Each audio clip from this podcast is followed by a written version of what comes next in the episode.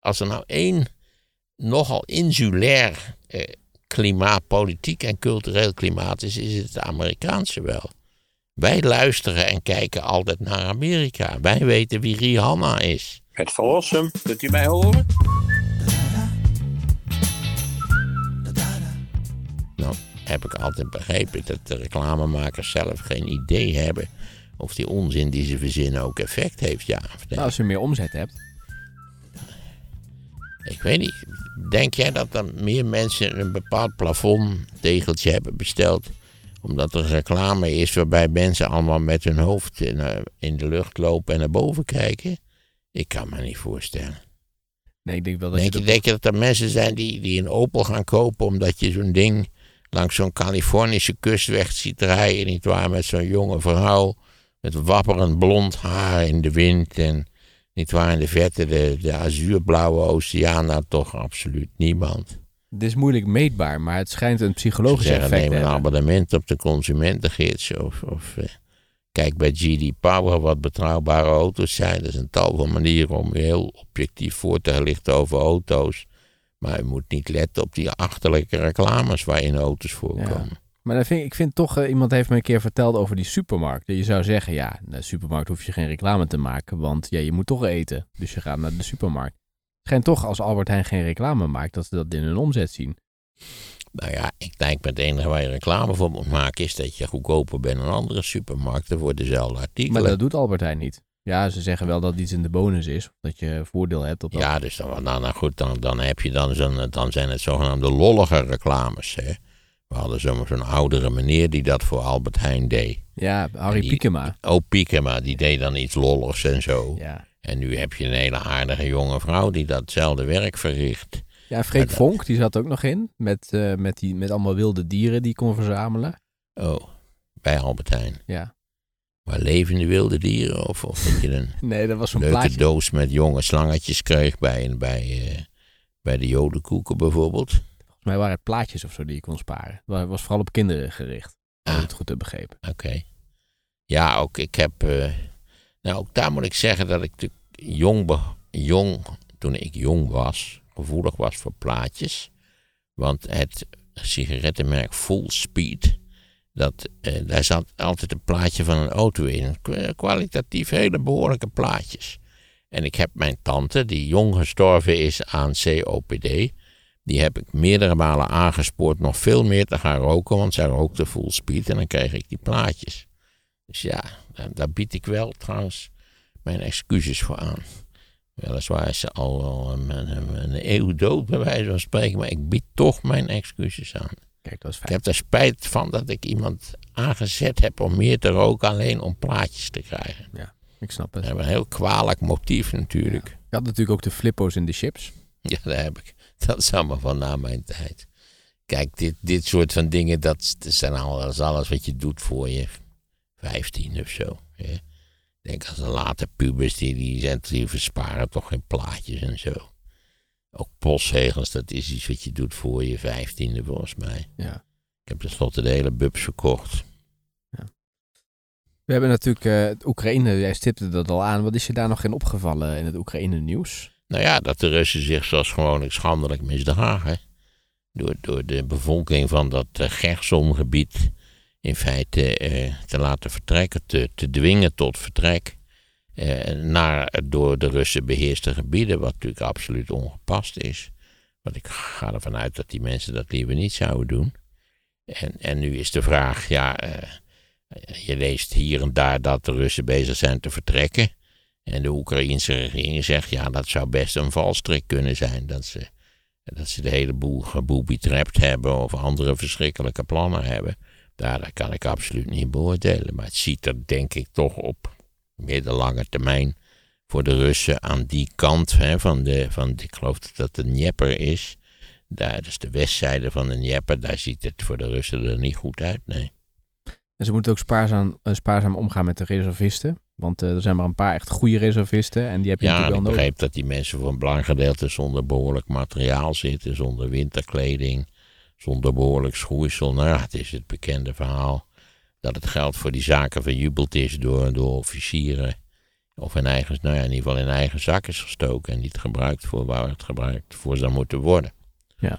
Ja, het, Rusland maakt voortdurend eigenlijk de indruk de zaken niet op orde te hebben.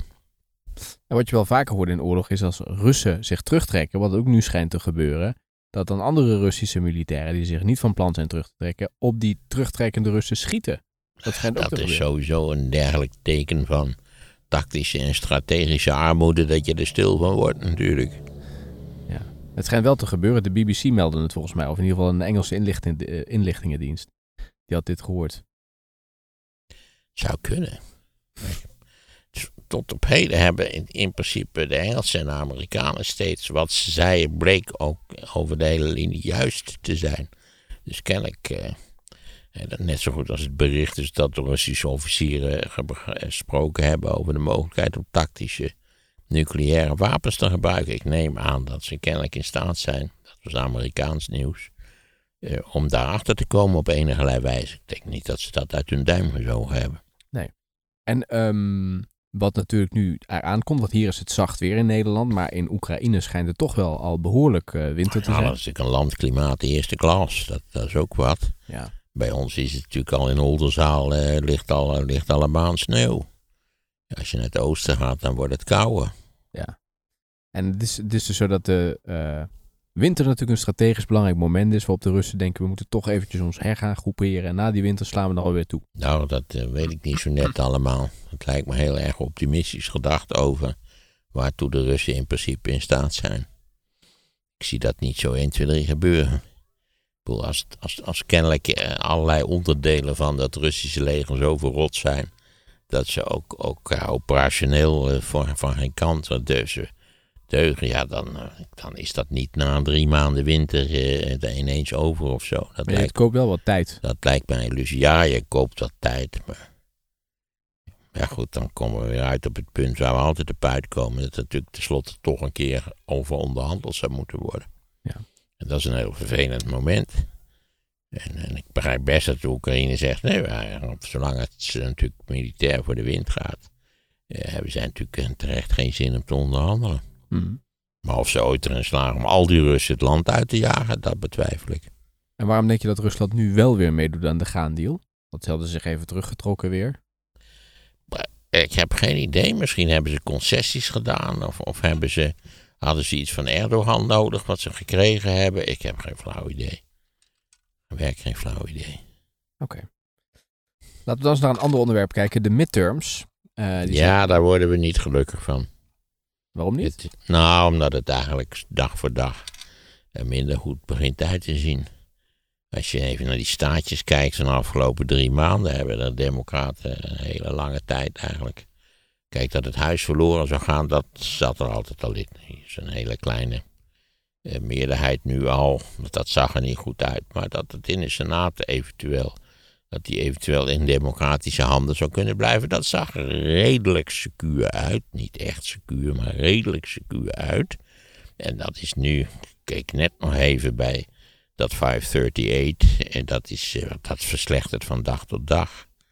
Nu is, de, nu is het eigenlijk een soort 50-50 kans, maar ik hou het erop dat de Republikeinen een goede kans maken om eh, de meerderheid ook in de Senaat te winnen. Maar dit zijn prognoses, hè? Allemaal prognoses, allemaal peilingen. Peiling in 2020 klopte voor een meter. Eh, maar het probleem van peiling is toch voornamelijk dat eh, mensen helemaal geen zin hebben om gepeild te worden. Dat er natuurlijk geen overzichten zijn van 06-nummers. Eh, hier in Nederland ook niet. Ja, ja, je hebt de 06-nummers van je kennis en zo. Maar als je zou willen weten, als je een bordje leest, de familie Jansen. Ja, vroeger hadden we een telefoonboek, weet je nog? Dat een halve ton papier werd bezorgd. Ja, zo'n heel dik. Eén keer per twee jaar of zo. Ik weet niet precies hoe vaak dat gebeurde. Dat legden ze dan bij de voordeur. Maar goed, dat is daar ook zo. En als je mensen opbelt, dan leggen ze meteen de hoormiddelen op. Dus het is heel lastig. En dat heeft onder andere tot gevolg dat de typische Trump-stemmers... dat die voortdurend ondervertegenwoordigd zijn in de peilingen.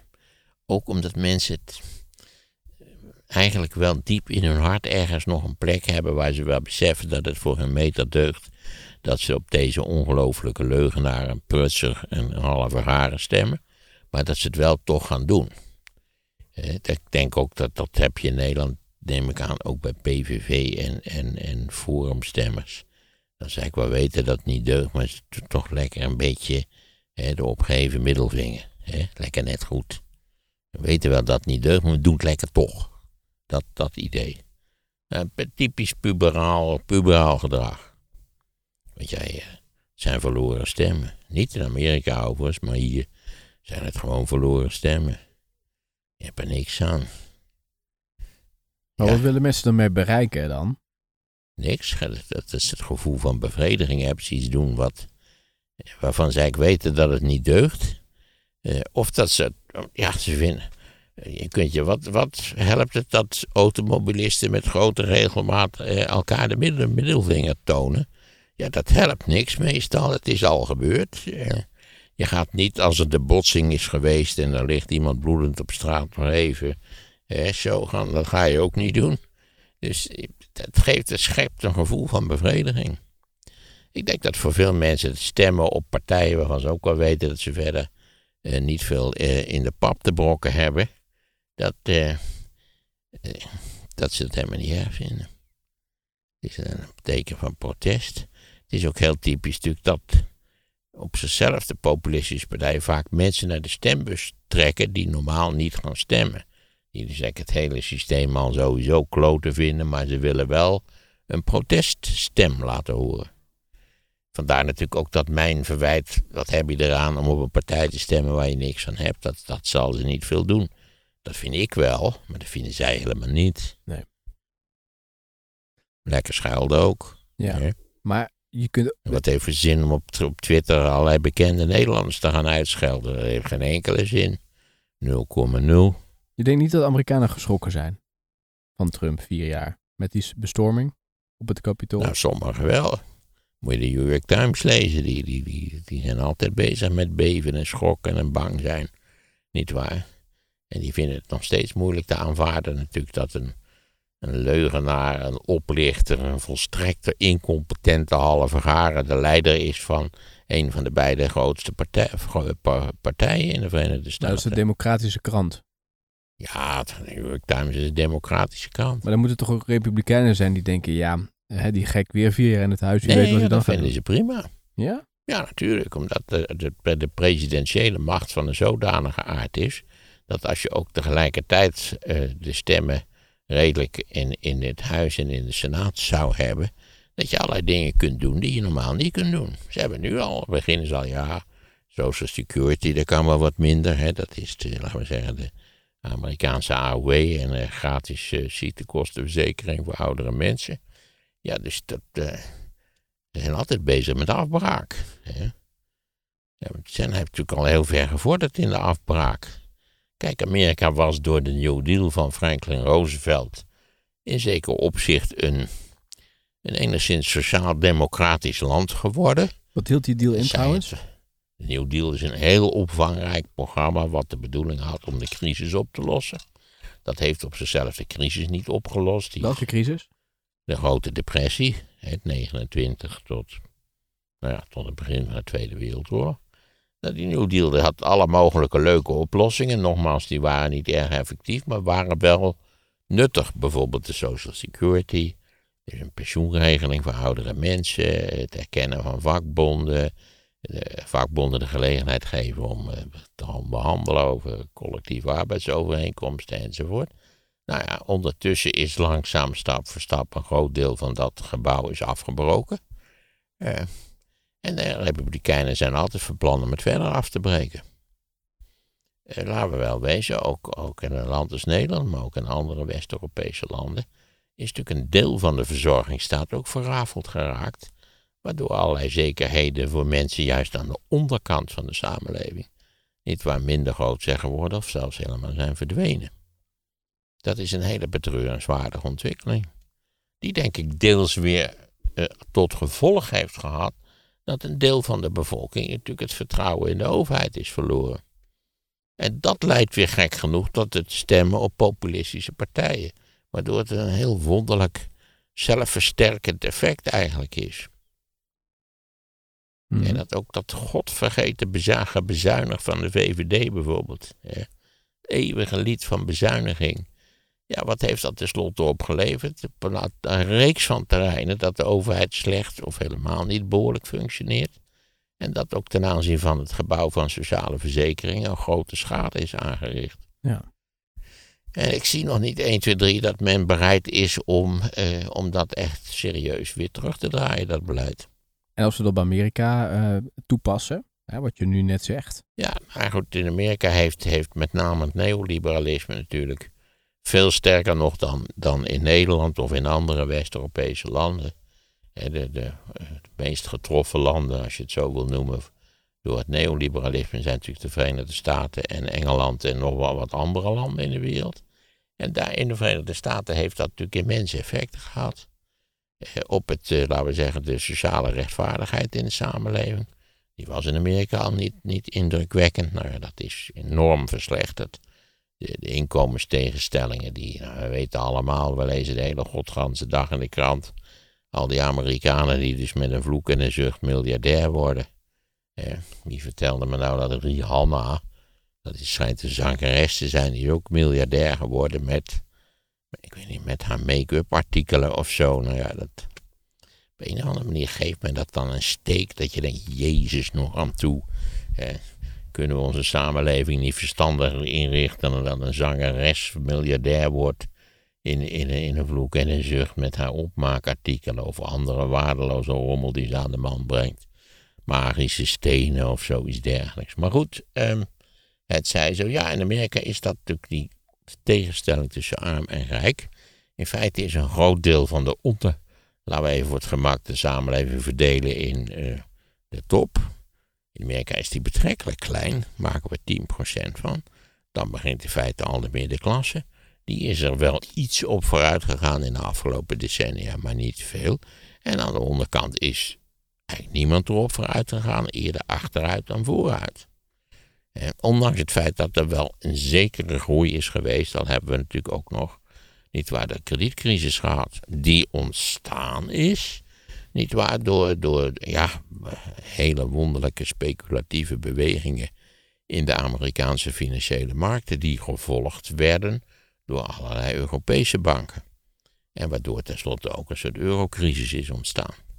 Maar dat is uiteindelijk het gevolg van de deregulering van financiële markten en van beleggingsinstrumenten uh, uh, in de Verenigde Staten. Er waren allerlei regels, namelijk die verzonnen waren in de jaren 30. dit moet ons nooit meer gebeuren. Dat door speculatie aan de beurs in feite een economische ramp wordt aangericht, een catastrofe kun je het rustig noemen. Amerika zijn jarenlang eens 25% van de arbeiders werkeloos geweest. Dat is pijnlijk genoeg. En wat hebben we gedaan in de jaren 90? Er kwamen allerlei nieuwe beleggingsinstrumenten tot ontwikkeling, die eigenlijk alleen maar in, in, in, met, computers enigszins beheerst en gestuurd konden worden. En eh, ja, die, dat, uh, daar is geen enkele regeling voor getroffen. Eh, we hadden toen, god, hoe heet die, die, chef van de Fed natuurlijk. Eh, maar ook Clinton was ervan overtuigd, dat was niet nodig. Dat moet ik bij Clinton zeggen. Zo komen we steeds weer terug op deze thematiek. Clinton heeft achteraf zijn excuses aangeboden. Zei, ja, sorry, maar ik heb totaal niet gezien wat de gevaren waren van die nieuwe beleggingsinstrumenten. Die rare derivaten, hè, dat zijn eigenlijk natuurlijk beleggingsinstrumenten die hun waarde ontlenen aan weer andere beleggingsinstrumenten, die vaak ook weer hun waarde ontlenen aan weer andere nou ja, enzovoort, enzovoort. Um, ik denk dat je opties kun je ook verhandelen, maar het klassiek derivaat te noemen. Maar had toen alle mogelijke derivaten. Ook, ook maar echt, echt elke. Je kon schulden verkopen. Het, het is, was een feest. En tenslotte is deze zaak natuurlijk geëxplodeerd. Herinnert je de Lehman Brothers in 2007? Met is die dat, dozen dat ze naar buiten kwamen? Ja, nou ja, nou goed, dat is allemaal heel slecht afgelopen. En zoals altijd, daar zie je ook aan hoe diep onrechtvaardig onze maatschappelijke systemen in elkaar steken. Zijn de schuldigen gestraft, namelijk die bankdirecteuren die er een potje van gemaakt hebben. Die vaak zelf geen idee hadden waar ze mee bezig waren, eerlijk gezegd. Nee, die hebben allemaal hoog geweldige bonussen gekregen. De Amerikaanse overheid die heeft in feite al die instellingen, behalve Lehman dus, uit de brand geholpen. En, en terwijl dat gebeurde, keerden de banken hun, hun, hun leidend personeel gigantische bonussen uit. Nee, ook, ook hier bij mij weten is nooit iemand gestraft voor financieel wanbeheer op grote schaal. Zeker nog, ze werden Omdat beloond. dat natuurlijk altijd gezegd van ja, als je dat doet, dan niet waar, dat, dat, dan wordt het hele financiële systeem instabiel. Dus dat, daar kunnen we niet aan beginnen. Ik zou zeggen, reguleer het. Hè? Nou, dat is natuurlijk na de eurocrisis moeten de banken veel grotere reserves aanhouden, godzijdank. Dat speelt nu ook een zekere rol. Dat Knot kan zeggen, nou ja, de reserves zijn groter, dus het is misschien... Maar we moeten toch voorzichtig zijn, daarvoor is die ook aangenomen. Ja, dat, dus de, de, met name natuurlijk de beleidswijziging die zich voltrokken heeft, in, met name in het bijzonder het economisch beleid, zeg vanaf de halverwege de jaren zeventig, heeft uiteindelijk dramatische gevolgen gehad in negatieve zin. Het heeft één voordeel gehad, de inflatie van toen is gedempt, maar goed, ten koste van een forse recessie. En daarna ten koste van het triomf van het neoliberalisme, wat niets dan ongelukken en ellende heeft aangericht. Wat denk je dan aan? Nou ja, ik, eh, wat ik geschetst heb, de grote recessie natuurlijk, de, de, de kredietcrisis, maar natuurlijk ook de verrafeling van tal van sociale instituties. He, vanwege dat, we hebben het toch wel eens over gehad, over al die flauwekul over de zelfredzaamheid. Het probleem is dat de meeste, dat niet de meeste mensen, de meeste mensen zijn zelfredzaam. Maar een aanzienlijk deel van de bevolking is dat niet en die hebben we dus gewoon in de kou laten staan. Ja. Er wordt al gestemd in Amerika, hè? dus er worden al stemmen uitgebracht. Al weken in principe. Nou ja, dat is nog een ander aspect dat de Republikeinen zich de afgelopen jaren druk bezig hebben gehouden met het beperken van het democratische stemrecht. Het is een door en door ondemocratische partij. Het is in feite, het gebeurt, maar als je er even over nadenkt, is het schokkend dat de partij aan de winnende hand is, die systematisch de democratie probeert te verloederen en die geleid wordt door een figuur die in 2000, eh, wanneer was het? Eh, 2017 waarschijnlijk, hè? 16, ja, 2017. Geprobeerd heeft om een staatsgreep te plegen. En kennelijk heeft dat geen enkel effect op de kiezers. Die zeggen niet, nou, dit is toch wel erg. Nee. Dus wat je moet hebben is. Heb meelijn met de Verenigde Staten. Dat land is op weg naar, naar aanzienlijke en omvangrijke problemen. Geweld op grote schaal is niet uitgesloten in de Verenigde Staten. En dan hebben ze nog een hoge rechtshof wat volledig gevuld is met mensen die zo onbeschrijfelijk rechts zijn, dat ze zelfs in Amerika terecht zijn. Nou ja, dan ben je ook al een recept voor ellende en ongeluk. Wanneer ben je dat? Te rechts? Nou, dat ben je bijvoorbeeld als je. Wat wanneer ben je te rechts? Niet in jouw visie, hè, maar in de visie van de Amerikanen. Waarom zijn ze in, vinden ze het te rechts? Ja, natuurlijk, ja, de vraag is daar welke Amerikanen heb je het over? Nou, Je in Amerika heb je massas mensen die er net zo over denken als ik. Maar ik denk wel dat je er iets meer mensen hebt die er niet zo over denken als ik. En dat komt dat de Amerikanen natuurlijk in hoge mate geloven aan, aan het sprookje van de Verenigde Staten. Waar iedereen die zijn best doet, die hard werkt, niet waar vooruit kan komen en, en een, een, een geweldig bestaan kan opbouwen. Dat is die, die American Dream. De American Dream is al, al decennia zo dood als een pier. Werkelijk echt waar je hebt in Nederland meer kans om miljonair te worden als je je best doet en hard werkt dan in de Verenigde Staten. Eh, sowieso, ook, ook het eh, sociale mobiliteit is in West-Europa groter dan in de Verenigde Staten. Die neemt bij ons ook af, dat moeten we wel constateren, maar feit is dat het daar minder is dan hier. Ik zwijg nog van nou ja, al die ingrijpende problemen met, met verslaving aan opioïden. Tienduizenden doden die daar vallen als gevolg van opioïdeverslaving. Het is natuurlijk een, een diep ongelukkig, ernstig ontspoord land. Dat is het in feite. Mhm. Omdat het zo gigantisch groot is en zo enorm verschillend qua regio, heb je hele fijne plekken in de Verenigde Staten. Noordoosten, Seattle, hè, noem je altijd. nou, Seattle is een prachtig voorbeeld. Ja. Eh, Nou, San Francisco is eigenlijk voor iedereen ondertussen te duur geworden. Dus dat, eh, Ja, al hoor ik ook wel dat techbedrijven daar nou. Californië is natuurlijk wel heel erg democratisch. eh, Zo Ja. zal het ook stemmen. Dat is wel prettig, ook, toch? Ook, ook Californië heeft enorm veel, hoe noem je dat, eh, daklozen. En eh, heeft ook grote sociale problemen. Ja, ja. Maar god, ik heb het vaak genoeg gezegd. Ga naar Boston en, en je gaat daar logeren in een fijn duur hotel. En je denkt bij jezelf...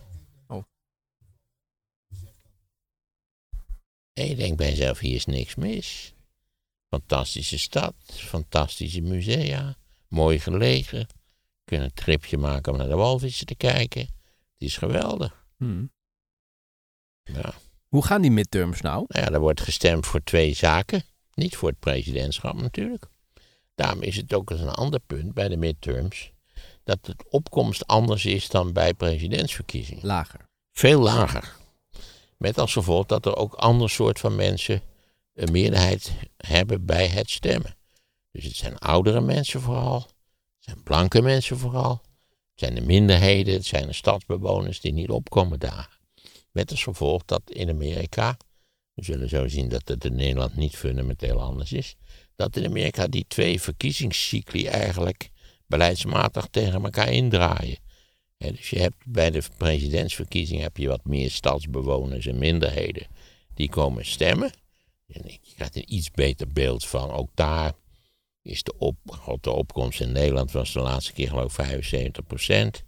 Die was in eh, daarvoor 82 procent. Dat zijn cijfers die zijn voor de Amerikanen. Zijn die, eh, als dat zou gebeuren, dan is, is wel eens gebeurd. Dan, dat is uitzonderlijk.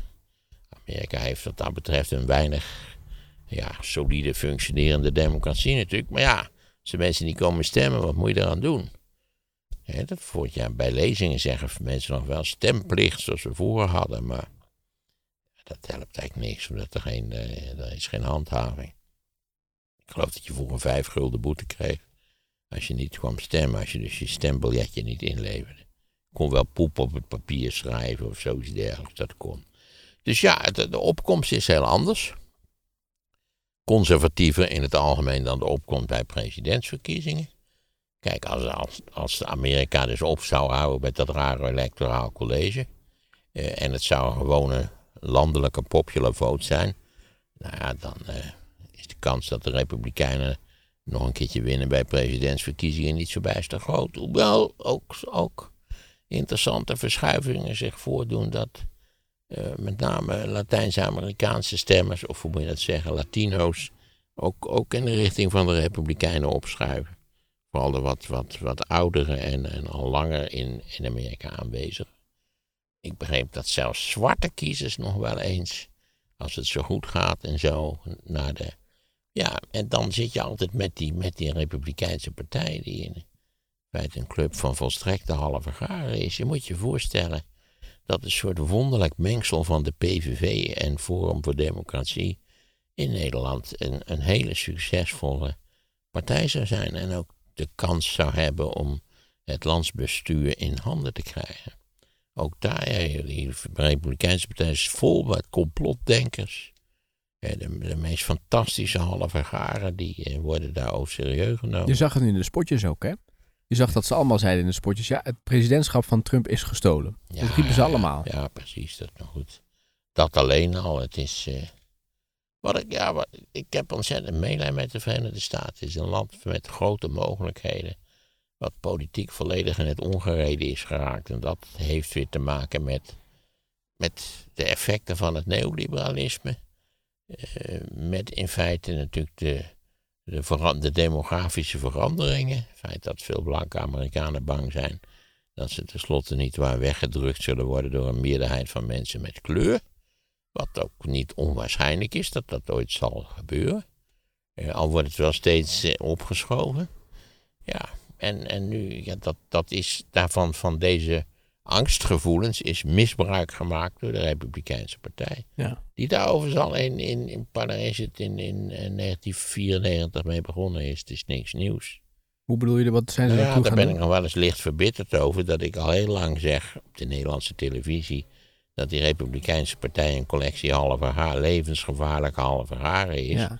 En dat er dan altijd werd gezegd van, nou, die was meneer objectief. Hè? Dat is toch, ja, dit is gewoon niet zo. Dat is, ze zijn allebei even erg en zo. Dat werd altijd gezegd door mensen die er geen rit van afwisten. Dat hinderde mij wel enorm, moet ik zeggen. Ik vind ook dat jij te weinig tijd krijgt op de tv om het goed uit te leggen. Dat zou je zo kunnen zeggen. Ik, eh, daar klaag ik niet over. Dus TV je- is een volkomen willekeurig en arbitrair functionerend medium. ja. Dus daar moet je, daar moet je niet over klagen. Ze zouden jou in de nacht eigenlijk een lang programma moeten geven, dat je het dus goed kunt uitleggen. Ja, zo net als die podcast. Ja, Nou ja, onze podcast wordt goed naar geluisterd. Ja. Behalve door, eh, nou ja, Sjaak. nee, was Sjaak? Ja, zo. Hoe heette die andere dan? Koos. Oh, Koos en Sjaak. Het, wel, het is wel een interessant duo. Misschien kun je ze met elkaar in verbinding stellen. Ja, dat is een leuk idee. Zouden ze zelf niet beter samen een podcast kunnen beginnen? Ja, ja, ja. Want Koos had toch idee, het moest levendiger, het moest meer een discussie zijn en zo. Ja, klopt. Terwijl ik altijd in discussie ben met mezelf. En Sjaak die vindt het ook maar een slome boel. Ik moet zeggen, het lijkt mij dat zij samen een super podcast kunnen maken. Denk je niet? Denk ik ook. Ik zal eens eventjes... eh, ja, breng ze met elkaar in contact. En, en ze- als het iets wordt, dan ben ik heel benieuwd naar eh, Dan horen we het wel. ja, hoe, het, hoe het beluisterd gaat worden. Koos, je kunt het ook meteen noemen. Koos en Sjaak we, eh, weten iets. ik weet niet precies. Daar is een mooie titel van te maken, toch? Ja, maar dat lijkt wel te veel op wat eh, Mark Marie doet. Mark Marie en Aaf, ehm, eh, wat is het nou? Vinden iets? Of, die Oh, oh, wacht even. Dat, is, dat, moeten, dat moeten ze dan niet doen. Nou ja, dat, ik laat dan toch wel in zelf over om een leuke titel te bedenken voor een, voor een podcast. Heel, heel, heel goed. Ja, dus je, je moet bovendien, vergeet één ding niet. Wat in Nederland natuurlijk beweerd wordt over Amerika. Of het nou of dan honderd Amerikanisten zijn, als ze er allemaal voor gestudeerd hebben. Het doet er niets toe. Nul. Niemand in de Verenigde Staten zal hè, eens even bellen. Met Willem Post. Bijvoorbeeld. Of, of hè, dat Kamala Harris tegen Joe Biden zegt van... Oh Joe, het, misschien zegt ze wel Mr. President, dat weet ik eigenlijk niet. Maar ik, ik heb eens een beetje opgelet. Maar eh, daar in Nederland, daar, daar, daar hebben ze zulke gekke opvattingen. Daar- Ja. wel, ze zijn wel voor ons, maar niet... Nou ja. Ah. Nee, het kan ze echt... Als er nou één nogal insulair eh, klimaat, politiek en cultureel klimaat is... is het het Amerikaanse wel. Wij luisteren en kijken altijd naar Amerika. Wij weten wie Rihanna is. Nou weet ik niet precies hoe ze eruit ziet, maar, maar oké, het schijnt een zangeres te zijn. Dat weten wij allemaal. Wij vinden de Kardashians interessant. Dacht je dat de Kardashians ons interessant vonden? Dat ze naar de Meilandjes Nou kijken. moet ik zeggen, die Frits van Eert, daar, zou, daar, daar is iets mee te doen. Daar zou, een, daar zou Videoland best een, een lollig serietje over en de kunnen Golden maken. Earring is toch ook bekend daar? Nee joh, Nee? nee joh. Helemaal niet. Dat dacht ik. Dat, dat zij Ja, dan- die hebben daar wel eens een, eh, succesvol nummertje gehad. Maar in die immense fabriek van klote muziek zal dat zeker niet geen rimpeling gegeven Nee, hebben, nee, denk nee. ik. Maar die Amerikanen, als ze aan ons land denken, denken ze altijd aan drugs en aan hoeren. Ja, natuurlijk vaak aan Amsterdam, wat op dit Ja. punt een, een, zeer sterke reputatie heeft. Ze hebben- Je hebt natuurlijk ook massa, je hebt massa's Amerikanen die in het Rijksmuseum zijn geweest. Dat is, eh, dat is, kijk, je kunt zeggen, de Amerikaan, de Amerikaan bestaat niet. Nee, dat is waar. Het is ook niet zo dat ze iedere week naar Bernard eh, Hammelburg zitten te luisteren wat hij te Nee, vertellen. Dat, dat lijkt mij ook niet erg waarschijnlijk. Nee, daar komt bij dat heel veel Amerikanen de vervelende handicap hebben dat ze geen Nederlands Ja, spreken. dat is ook zo. Maar Hammelburg die zegt wel iedere keer dat hij daar, eh, die, die heeft daar een appartementje in New York of zo. Of die is daar vaak. Nou, ik gun het hem graag. Ja, die wekt altijd de indruk dat hij daar in het politieke systeem eh, zit. Dat hij allemaal connecties heeft daar.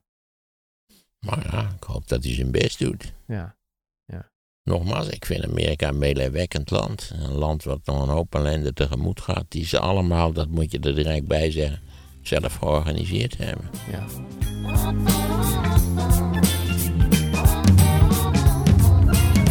Een super podcast.